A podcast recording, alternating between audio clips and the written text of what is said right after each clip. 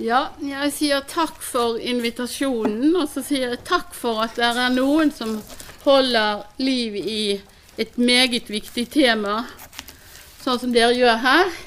Bo og jord. Så det er en flott uh, innsats i seg selv.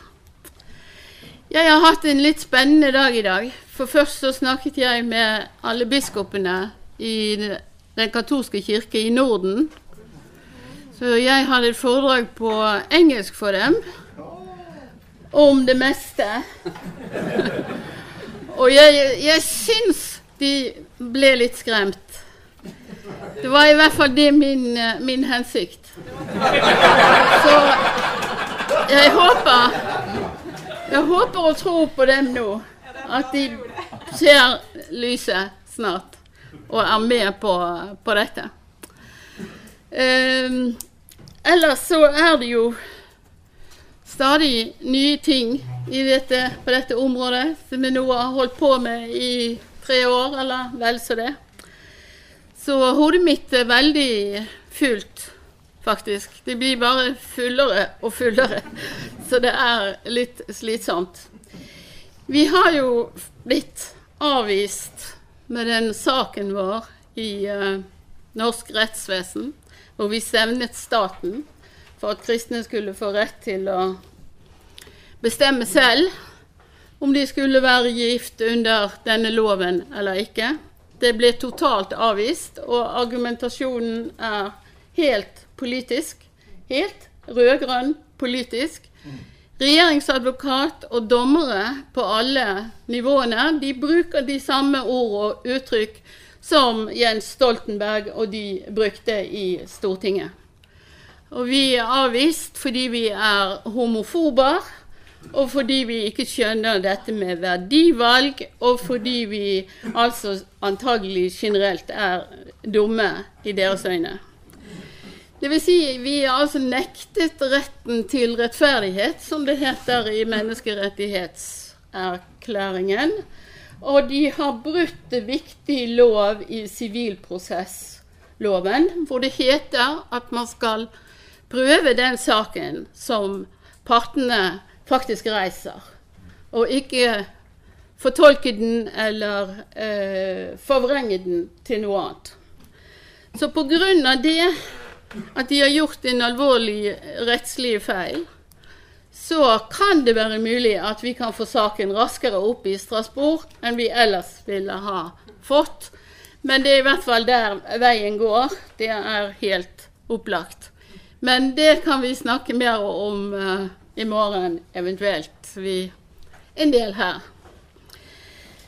Eh, la meg også nevne at på torsdag så skal jeg ha foredrag i Oslo Militære Samfunn klokken 19. Og temaet er 'Nihilisme og ondsinnet narsissisme i det nye Norge'. Flott tittel, hva? Ja. Så dere må bare komme. Det er vel en uh, avgift for det, men uh, husker ikke helt. Det er han, uh, Hans Rustad og Dokument.no som arrangerer det. Så det finnes, dere finner det på nettet. Men jeg skal snakke om mennesket sånn som det nå er konstruert.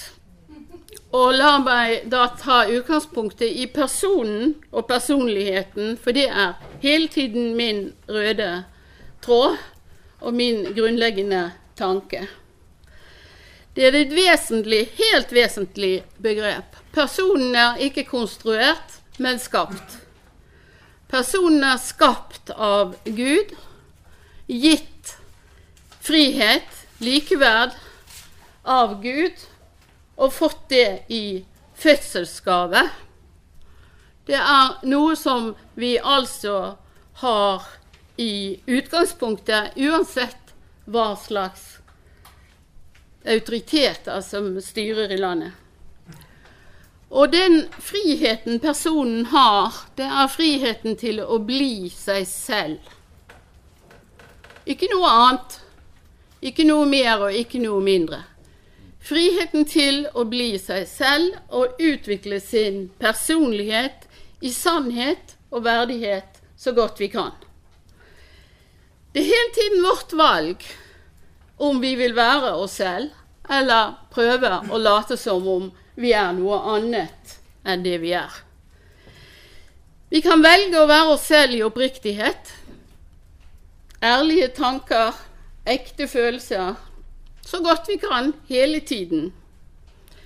Eller så kan vi selvsagt forstille oss. Vi kan lyve, vi kan bedra, vi kan late som om å være noe helt annet.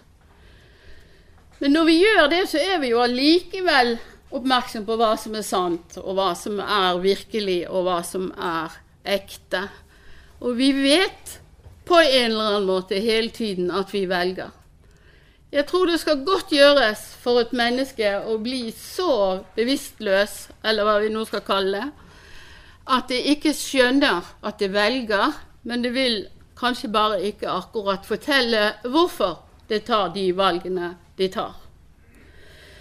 Så vi velger mellom godt og ondt, og vi må hele tiden forholde oss til de realitetene vi møter hver eneste dag, i oss selv, i andre og rundt oss. Ordet i Bibelen kan hjelpe veldig langt på vei, men den egne moralske integriteten er jo den som hjelper best, da. Fordi den har hele tiden en veiviser. Vi har hver dag en eksistens som vi selv former og gir innhold langt på vei. Så personer for meg det er ikke sånne som reiser på kurs og finner seg selv, men det er noen som kjenner sin moral, kjenner sine egne gjerninger og står innenfor dem. Så hvis vi vil vite hvem vi er, hvis noen har det spørsmålet, så er det bare å se på de handlingene og gjerningene som faktisk, og valgene som faktisk er, er der og har vært det. Det er krav som man med rette kan stille til oss, så sant vi vil betraktes som en person med karakter og verdighet. Hvis vi ikke vil betraktes slik, så er det selvsagt andre krav som kan stilles. Uansett så vil det alltid være noe. Og denne gudeskapte verdigheten og kjærligheten, det personlige, personen, det er altså en gave til alle mennesker, én og én. Omgangen den kommer ikke i par, men den kommer til én og én. Den er ikke avhengig av noe medlemskap i noen sammenheng. Den er ikke avhengig av ytre kjennetegn eller andre betingelser. Den er bare avhengig av at man har viljen til å oppføre seg som et sant menneske. Autoriteter, myndigheter, FN, menneskerettigheter eller hva det nå er for noe, det er bare sånt som legger forholdene eventuelt, kanskje, til rette for å uttrykke det sant eh, personlige. Muligens gjør de det motsatte. De hindrer uttrykket av det personlige. Hva dette menneskekonstruerte tingene gjør, det vet man jo ikke helt. Men Innholdet i menneskerettighetene kommer selvsagt fra Gud og ingen andre. Hvis man ikke har Gud med i menneskerettighetene, så blir de ganske tynne. Det har altså skjedd mye i norsk familielovgivning. En pakke med lover som nevnt ble vedtatt, som sidestiller far og en fremmed kvinne, som gjør det mulig for alle i praksis å skaffe seg barn, som likestiller og sidestiller familien med en konstruert sammensetning av mennesker. Det har skjedd, det er skjedd, det er innført. Og det kommer kaos. Bare noen punkter. Kan to kvinner få bli medmor samtidig? I statens lov så kan de antagelig ikke det, men i praksis kan de selvsagt det. Og om de gjør det privat og bryter med statens lov, så er det ingen som kan straffe dem for det. Og da kan begge få mors og fars eh, permisjon og trygd og alle disse godene sammen samtidig. De kan skifte på å være mor og far, eller de kan være begge deler samtidig. De er altså blitt et slags mangedobbelt vesen. Som uh, Man kan nesten se fire roller, fire posisjoner, maktposisjoner, inn i det som før bare var to. Og man må jo også huske på det at kvinne, to kvinner de kan føde to barn i året. Men en mann og en kvinne kan bare føde få ett barn i året, mest sannsynlig. Ja, det kan jo bli tvillinger, altså, men eh, ikke hver gang. Man må også huske på det at mann og kvinne nå, hvis de får nok livmødre å leie, så kan de få akkurat så mange barn i året som de ønsker. Tallet er ubegrenset. De bør jo heller ikke være par. Enslige kommer jo inn i dette sammen med dem. Så vi er altså kommet inn i en situasjon hvor det blir ekstrem overbefolkning veldig fort. Hvis folk benytter seg av de mulighetene som, som er der.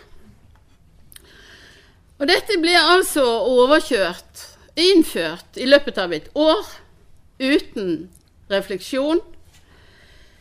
Mot alle kristne organisasjoner, stort sett, bortsett fra de homoliberale prestene og biskopene her og der. Og noen andre. Det var 50 000 underskrifter, og det var store demonstrasjoner. Og så er det nesten ikke mer det er veldig lite igjen. Og grunnen er vel at kristne, det kristne lederskapet ikke fins. Man har for mye tro og for lite moral. Man har for mye tro og for lite integritet. Og for lite vilje til å uttrykke seg i forhold til sine, det man mener er personlig og sant. Jeg vet ikke. Det er et spørsmål. Jeg skal kanskje ikke være så, så frekk at jeg påstår at det er sånn, men jeg, jeg begynner virkelig å lure.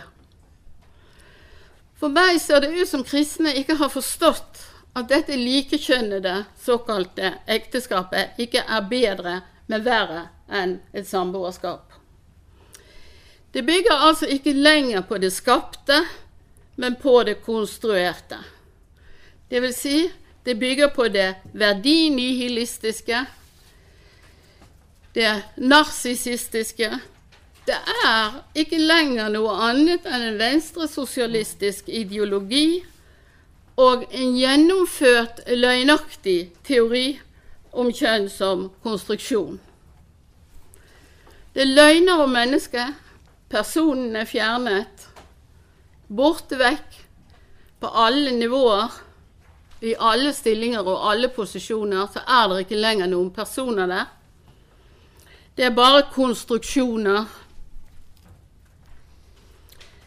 Man har erklært at ekteskapets mål er seksuell omgang, uavhengig kjønn. Det var det man har erklært at det er.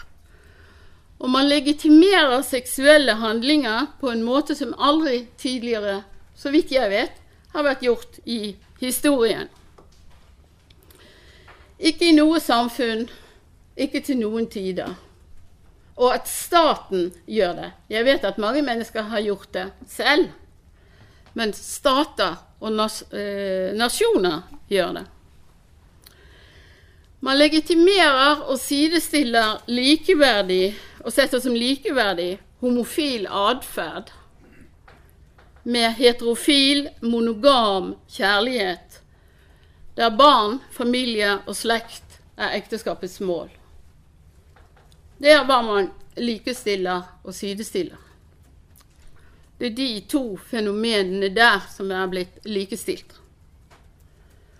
Og så fører man barnemarkedet da automatisk inn i relasjonene. Enten det nå er homofile med barn, single eller hvem det nå er, så hver gang de bruker barnemarkedet, så aksepterer de skilsmisse fra barnets andre foreldre. Det er altså ikke, skils, det er ikke et ekteskap hvor det i en viss grad er innebygget skilsmisse, sånn som det har vært, men det er foreldreskap som har innebygget en skilsmisse. Og alle som skal benytte seg av barnemarkedet, de lever egentlig i et slags abstrakt polygami. For det er alltid en tredje person der. Eller en fjerde, eventuelt. Eller så mange de vil. Man kan se det i barnets ansikt, den fraværende personen. Og de gjør altså dette avhengig eller i, i samarbeid med helsepersonell og selgere av menneskemateriale. Spesielt så løsriver man altså båndene mellom far og barn, snart mor og barn. Det er ikke lenger nødvendig at den som har født barnet, er barnets mor. Man gjør planlagte tap lovlig og derfor moralsk for mange akseptabelt. Og man legitimerer barnemarkedet, og man sikrer det jo nå en strøm av kunder. Det er uavhengig alder, kjønn og sivil status. Bare du er over 18 år, det er kanskje den eneste betingelsen som stilles. Ekteskapet er nå brukt som en dekkoperasjon for løgnaktige menneskelige relasjoner som krenker alle parters personlighet, personverdighet, ikke minst barnets. Så ekteskapet brukes nå, hvis vi skal snakke Egentlig ville jeg helst snakket i gåseøyne, men det er ikke så enkelt. Men ekteskapet brukes nå som en torpedo mot familien. Det er mange som sier det pågår en kulturkrig. Og de aggressive anførere har helt bestemte mål, etter min oppfatning. De skal rive ned kristne verdier og svekke enhver kristen leder som har en personlig moral, integritet og autoritet. De lukter, som det heter i eventyrene, kristenmannsblod, og de er på jakt. Jeg tror utviklingen faller med kristne lederes personlige moral.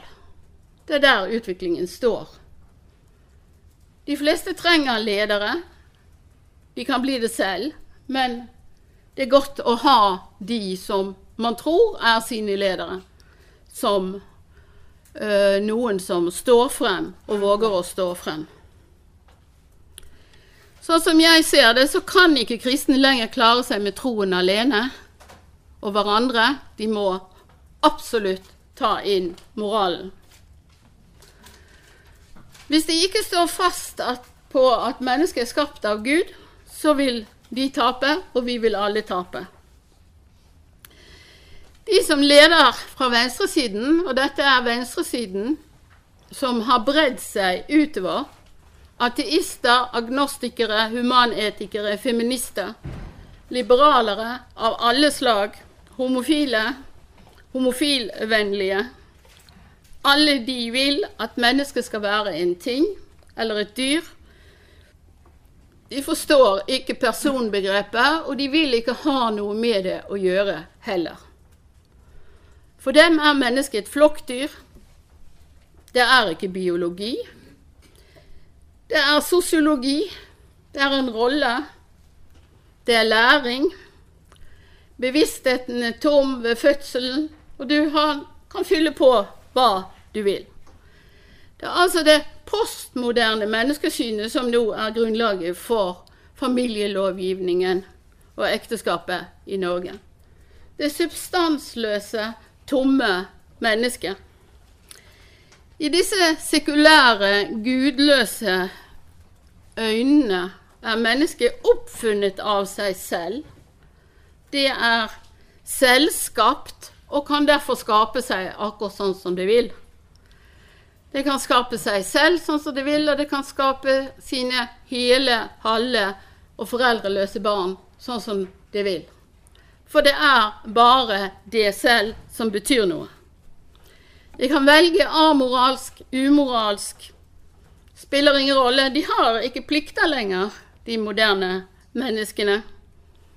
Eventuelt de de velger selv, men har de valgt en plikt en dag, så kan de velge den bort neste dag. De lever i en evig ombestemmelses øyeblikk. Altså, de lever som om alt til enhver tid egentlig kunne vært helt annerledes. Samvittigheten plager dem ikke, for de har omgjort sine løgner til sannheter. Og da har samvittigheten det godt deres samvittighet. Men alle vi andre da, som står utenfor, og jeg tror vi faktisk er ganske mange, vi er blitt pålagt moralske plikter. For vi skal snakke disse etter munnen. Vi skal ønske deres selskapning eller konstruksjoner velkommen uten et eneste ord. Vi skal ikke røpe sannhetene for barna. Tvert imot så skal vi antagelig forventes å være med og lyve for dem. Bare da vil de betrakte oss som menneskevennlige og tolerante. Så det bare ser ut som pliktene er utryddet. Det er deres plikter som er utryddet. Vi andre har fått nye bud hvor det står du skal lyve, du skal bedra barn. Gjerne ditt eget, det gjør ingenting. Du skal svekke nære bånd, og du skal dyrke seksualiteten. Så de har startet en evolusjon av en ekstrem art. Menneskets opphav er ikke lenger Gud. Det skapte paret, mor og far. Men det er hvem som helst av et hvilket som helst menneske som er villig til å skrive under på et papir på en fertilitetsklinikk og der si at det vil holde barnet i live. Det er alt. Følgende løgn gjelder det enkjønnete paret med konstruerte barn er fullstendig substituerbar og likeverdig med det tokjønnete paret med felles barn. Det er den sannheten som skal gjelde fremover nå. Og jeg tror mange vil få problemer hvis de opponerer i sine stillinger rundt omkring. Barna selv Antagelig finnes det et par hundre av dem i Norge i dag. Og det er ikke sikkert at det er så mange på verdensbasis. Men barna selv kan godt bli spesielt fysisk friske og vakre barn. På det statlige barnemarked så har donorene ingen sykdommer eller lyter. De er grundig sjekket opp. Men i motsetning til i dyreavlen så får jo disse barna ingen stamtavle. Og de voksne har ganske mye fritt spillerom. På det private markedet er alt mulig. Der gjelder ikke engang dette med sykdommer og lyter og feil og mangler. I USA for en fire-fem år siden så fikk to lesbiske kvinner som bodde sammen eh, De ønsket seg et barn, og de ønsket seg et helt spesielt barn. De ønsket seg et døvt barn. De selv var begge født døve.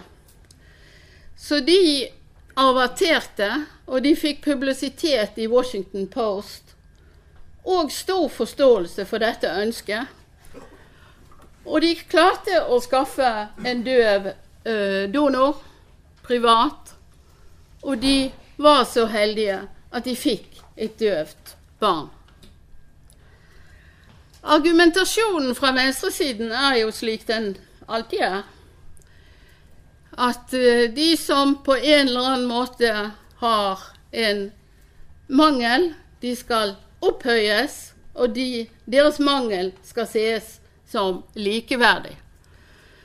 Så døvhet blir behandlet som en form for kultur som er utrydningstruet, og der er argumentasjonen for at dette barnet skulle komme til verden. For alle barn som kommer til på barnemarkedet, er det jo slik at de får eh, Kanskje de som får en medmor, vil måtte ligne på henne.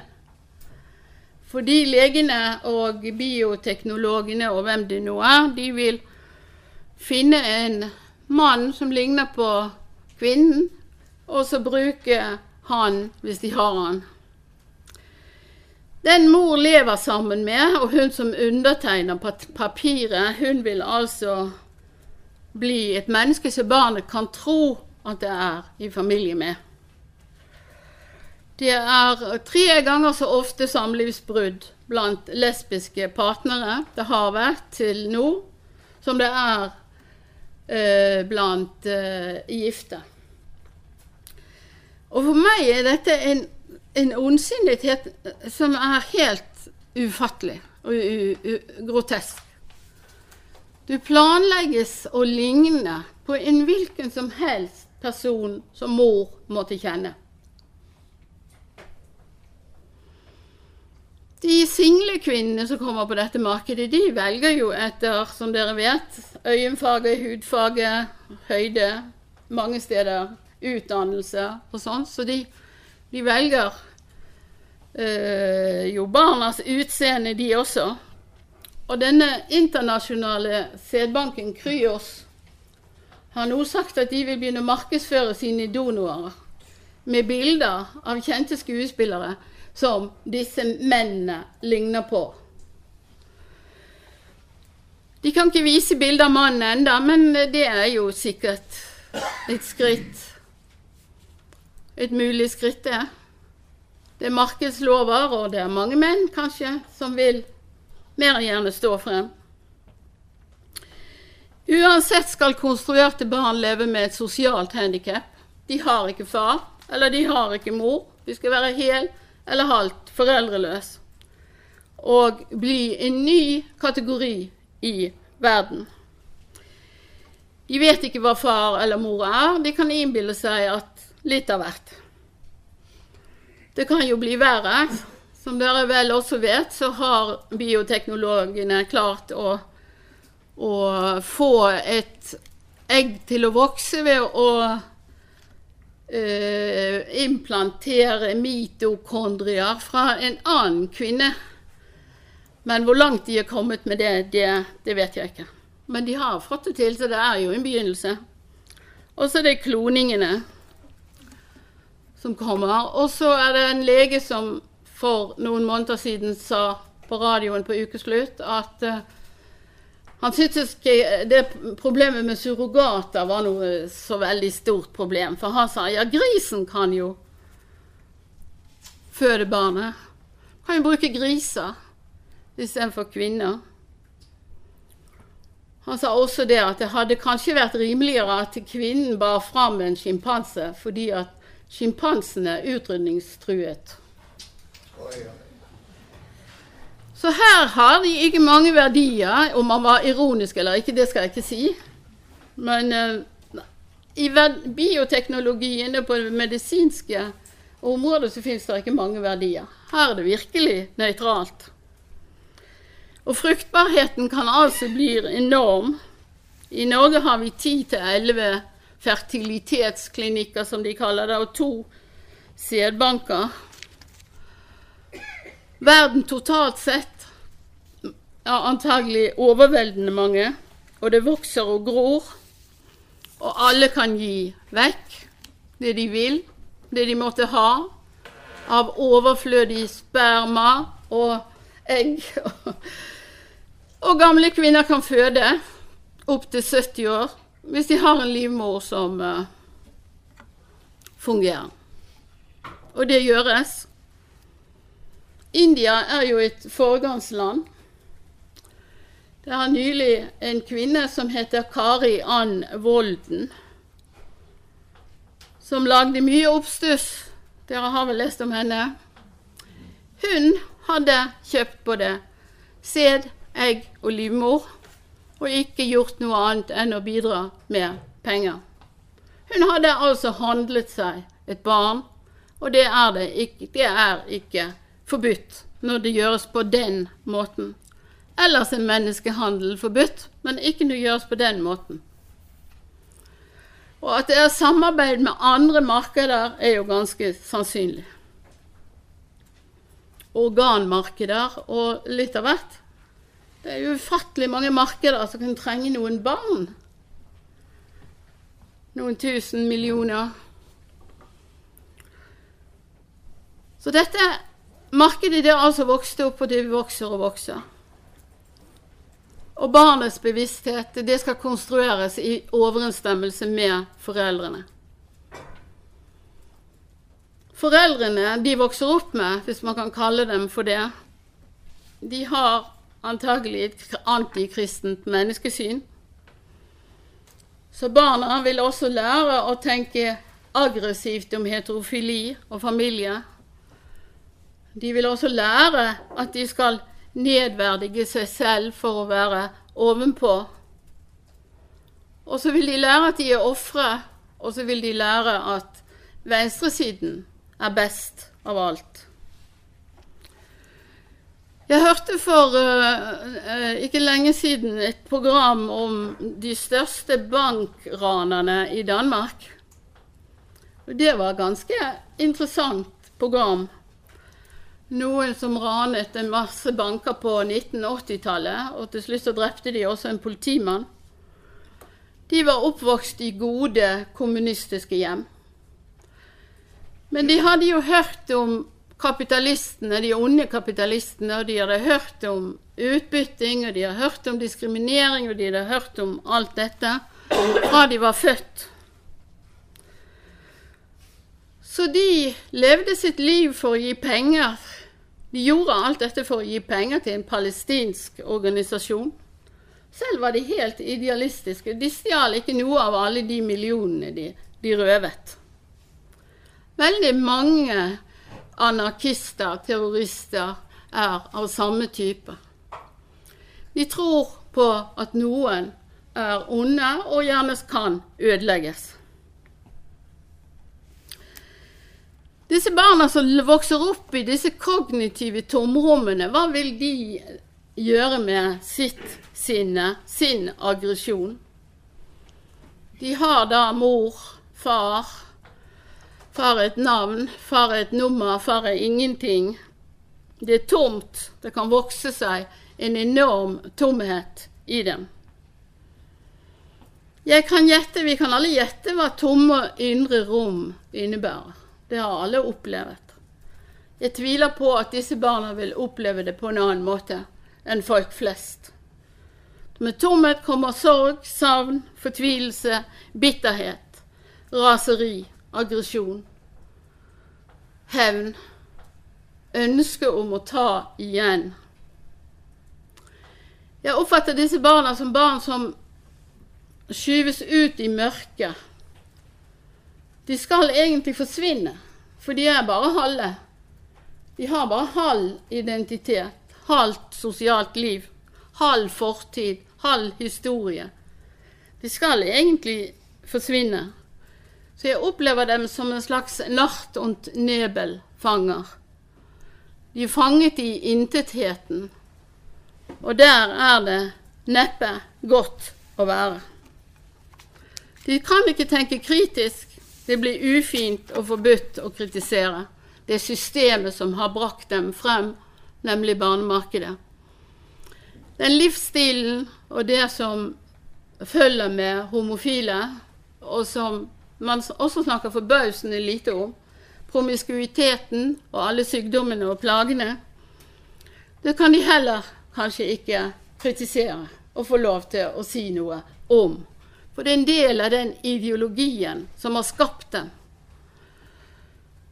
Egne løgner og andres løgner. Men det kommer bøker. Jeg har nettopp lest en bok av en som heter Dawn Stefanovic. Boken heter Out from Under. Hun hadde en homofil far, og han brukte aktivt sin kone og sine tre barn i kampen om alle elskerne i Toronto. Alle mulige homofile elskere i Toronto. For denne mannen var familien ikke et skap som han skjulte seg i, eller en klamp om foten eller noe sånt. Tvert om, det var hans største pre. Han tok dem med på alle disse stedene der han selv kunne plukke opp elskere. Datteren mener at han forhold, må ha hatt et forhold omtrent til alle mulige kandidater i Toronto. Så han var altetende, han var ekstremt rik, velstående, vellykket forretningsmann. To av hans elskere begikk selvmord. Han døde selv av aids da han var 51 år gammel. Så hva gjør et barn i en sånn virkelighet som dette? Og det var masse annet òg som hun forteller om. Selvfølgelig vold og misbruk og litt av hvert. Det hun nesten strever med i boken, som for meg blir litt merkelig, det er at hun strever med å forstå at hun kan kanskje allikevel ha ønsket sin fars kjærlighet. For det fikk jo ikke barna hans. Han elsket sine elskere, men ikke sine barn. Så hun er på en måte fanget i en felle mellom sitt behov for å bli elsket og så sin kritiske sans. Så hun våger nesten ikke å si, bortsett fra innimellom, hva faren faktisk var. Nemlig ekstremt ond. Det er mange barn som vil oppleve at de slites mellom dette. Skal de våge å si sannheten om foreldrene? Skal de våge å gi avkall på den trangen de har til å være glad i sine foreldre. Og hvis de blir værende lenge der nok, så blir det en meget aggressiv person ut av det. Jeg oppfatter at vi er kommet i en politisk situasjon der det ikke lenger er noe skille mellom det høyre og venstre. Samfunnskampen kan ikke lenger forstås sånn som den har vært gjort til nå. Det skillet er borte, kanskje ikke minst pga. sentrumspartiene, som kan samarbeide både til høyre og til venstre samtidig. Ved samme valg kan de være begge steder på én gang. Og det skulle ikke forundre meg om venstre kan være der hvor høyre er, og høyre er i hvert fall der hvor venstre er, altså Ap. For Høyre har en homofil familiepolitikk, de også. Så egentlig er det ikke særlig mange konservative igjen i vårt samfunn. Det bare ser sånn ut av og til. Vi lever i en, en monolittisk frihet og likhetskamp. Der dette alt flyter ut. Personen flyter ut, alt flyter ut. Og poenget er at det skal flyte ut. Jo mer det flyter, jo bedre er det. Det postmoderne mennesket har laget seg et lovverk som passer til det postmoderne mennesket. Og argumentene mot dette ondsinnet er forbausende få. Man snakker av og til da om betydningen av ekteskapet, men man burde jo snakke veldig mye om personene i disse relasjonene. For det er når vi begynner å se disse personene der, at vi begynner å forstå hva som virkelig skjer. Den enkeltes moral må altså igjen komme frem og så beskrive virkeligheten, til tross for at den er avskaffet av venstresiden. Apatien må altså bort. Jeg tror at apatien kommer fordi venstresiden bevisst har skjøvet homofile foran seg. Man vil at man skal diskutere dette med homofili, sånn at man ikke ser barnemarkedet, denne ekstreme friheten som nå er innført for alle voksne. For å ønske barn når man vil. Man vil ikke vite noe om hva som får, at folk skal forstå hva som foregår på skolene. Man vil ikke ha frem dette, så derfor er det veldig greit å snakke om homofili. Og man tilslører altså sannheten om den homofile livsstil. Man fremstiller sammenhengen løgnaktig. Mange hevder at det er 10% homofile, men, og, men hva homofile egentlig er, det sier de ingenting om. Er det noe i det hele tatt? Hva hvis det ikke er noe i det hele tatt? Man later som om det er mange i skapet, og Derfor så skal altså barn kjenne sin undervisning sko, gjennom undervisning i skolene lære mye om det. Hvor lang tid har jeg igjen? Jeg er godt over tiden. Du er egentlig over tiden, men uh, hvis du kunne snart, var det fint? Ja, jeg, jeg, må si noe. Jeg må si noe. Vet du Man må huske på at Personverdigheten den kommer til én og én. Det er ubestridelig. Men den kommer ikke til par. Altså Hvis man har en søskenflokk, så er alle like verdige og like frie. Fra den nyfødte til den eldste. Og det kan være stort sprang.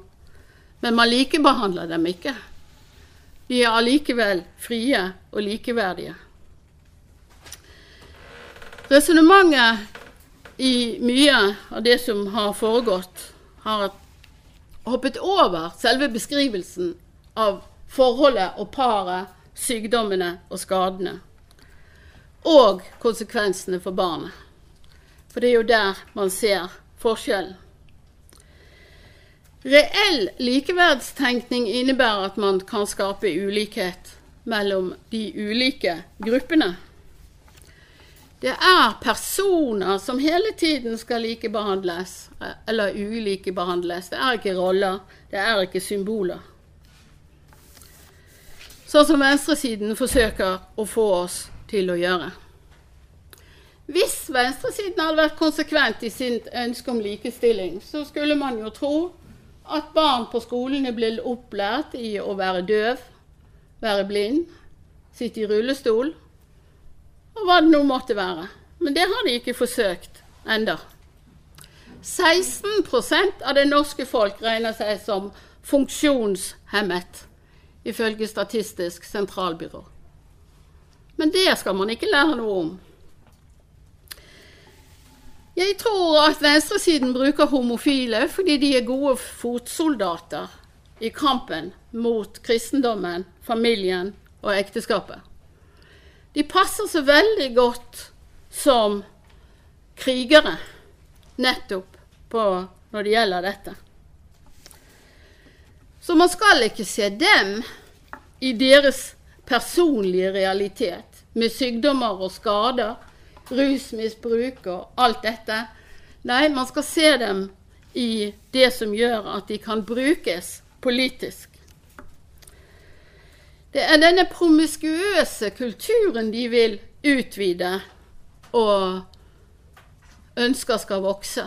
For det er den som støtter venstresidens ønske om at flere og flere skal oppleve seg selv som undertrykket, sånn at de kan være med i kampen mot hvem, det har de glemt å si lenge nå, men det er et eller annet med en kamp de skal være med mot. Det er familien, kirken, kristendommen og ekteskapet. De lyver da om det meste for å oppnå dette. De hevder at homofile blir mobbet, men det er homofile som mobber mest. Det sier de selv i undersøkelser. De hevder at det begås mye vold mot homofile, og det kan da tenkes at det er de homofile som gjør det. I, I, går og i dag, nei, for et par dager denne uken nå, så har man belyst homofiles overgrep mot fremmede barn, og funnet at den er like stor, like mye som øh, Utenfor familien så står homofile for større og flere overgrep mot barn enn hva heterofile gjør samlet. De hevder at kjønn kan konstrueres. Heterofili er ikke konstruert, det er skapt. Det er homofilien som er konstruert. Og begrunnelsen for å konstruere den, det mangler veldig.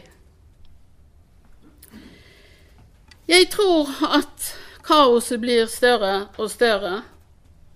Og hvis jeg får lov å bruke ett øyeblikk til, eller to, så skal jeg sitere litt fra noe som heter Gender Loops. Som kanskje noen av dere har sett. Her hevdes det at restriktive Kjønnsstereotypier kan likevel få barn til å gi opp på veien til visse typer oppdagelse, handlinger eller eksperimenter på et tidlig stadium, eller til og med hindre dem i å prøve disse i det hele tatt. I en kjønnssensitiv praksis arbeides det for å hindre at så skjer. Dette i barnehagen. Dette er et prosjekt som er støttet av Det norske kunnskapsdepartement og det er utarbeidet av flere land. Tyskland, Latvia, Spania. Man hevder at kjønnssensitivitet innebærer å støtte barns evne til å flytte på grensene fra kjønnstypiske og restriktive kjønnsbilder i gitte situasjoner eller over lengre faser. Man hevder at det er ikke lett for barn å ta seg frem i denne tokjønnete kulturen, og at det ikke er lett for dem å komme frem til en oppfatning av kjønnskonvensjonene. De hevder at i, i en kjønnssensitiv praksis får barn hjelp til å integrere de mange ulike og til, de, til tider motsetningsfylte bildene i deres egen kjønnsspesifikke oppfatning, ettersom de enkle og gammelmodige stereotypiene samfunnet anvender i mindre og mindre grad samsvarer med de komplekse og vedvarende livsstiler kvinner og menn har i dag. Dette er det, noe av det skrekkeligste jeg har lest på veldig lenge. Altså, målet deres, det er å skape en verden der alle har lyst til å ha mye sex hele tiden med hvem som helst. Uansett. Det er målet. Så enkelt er det. Takk for meg.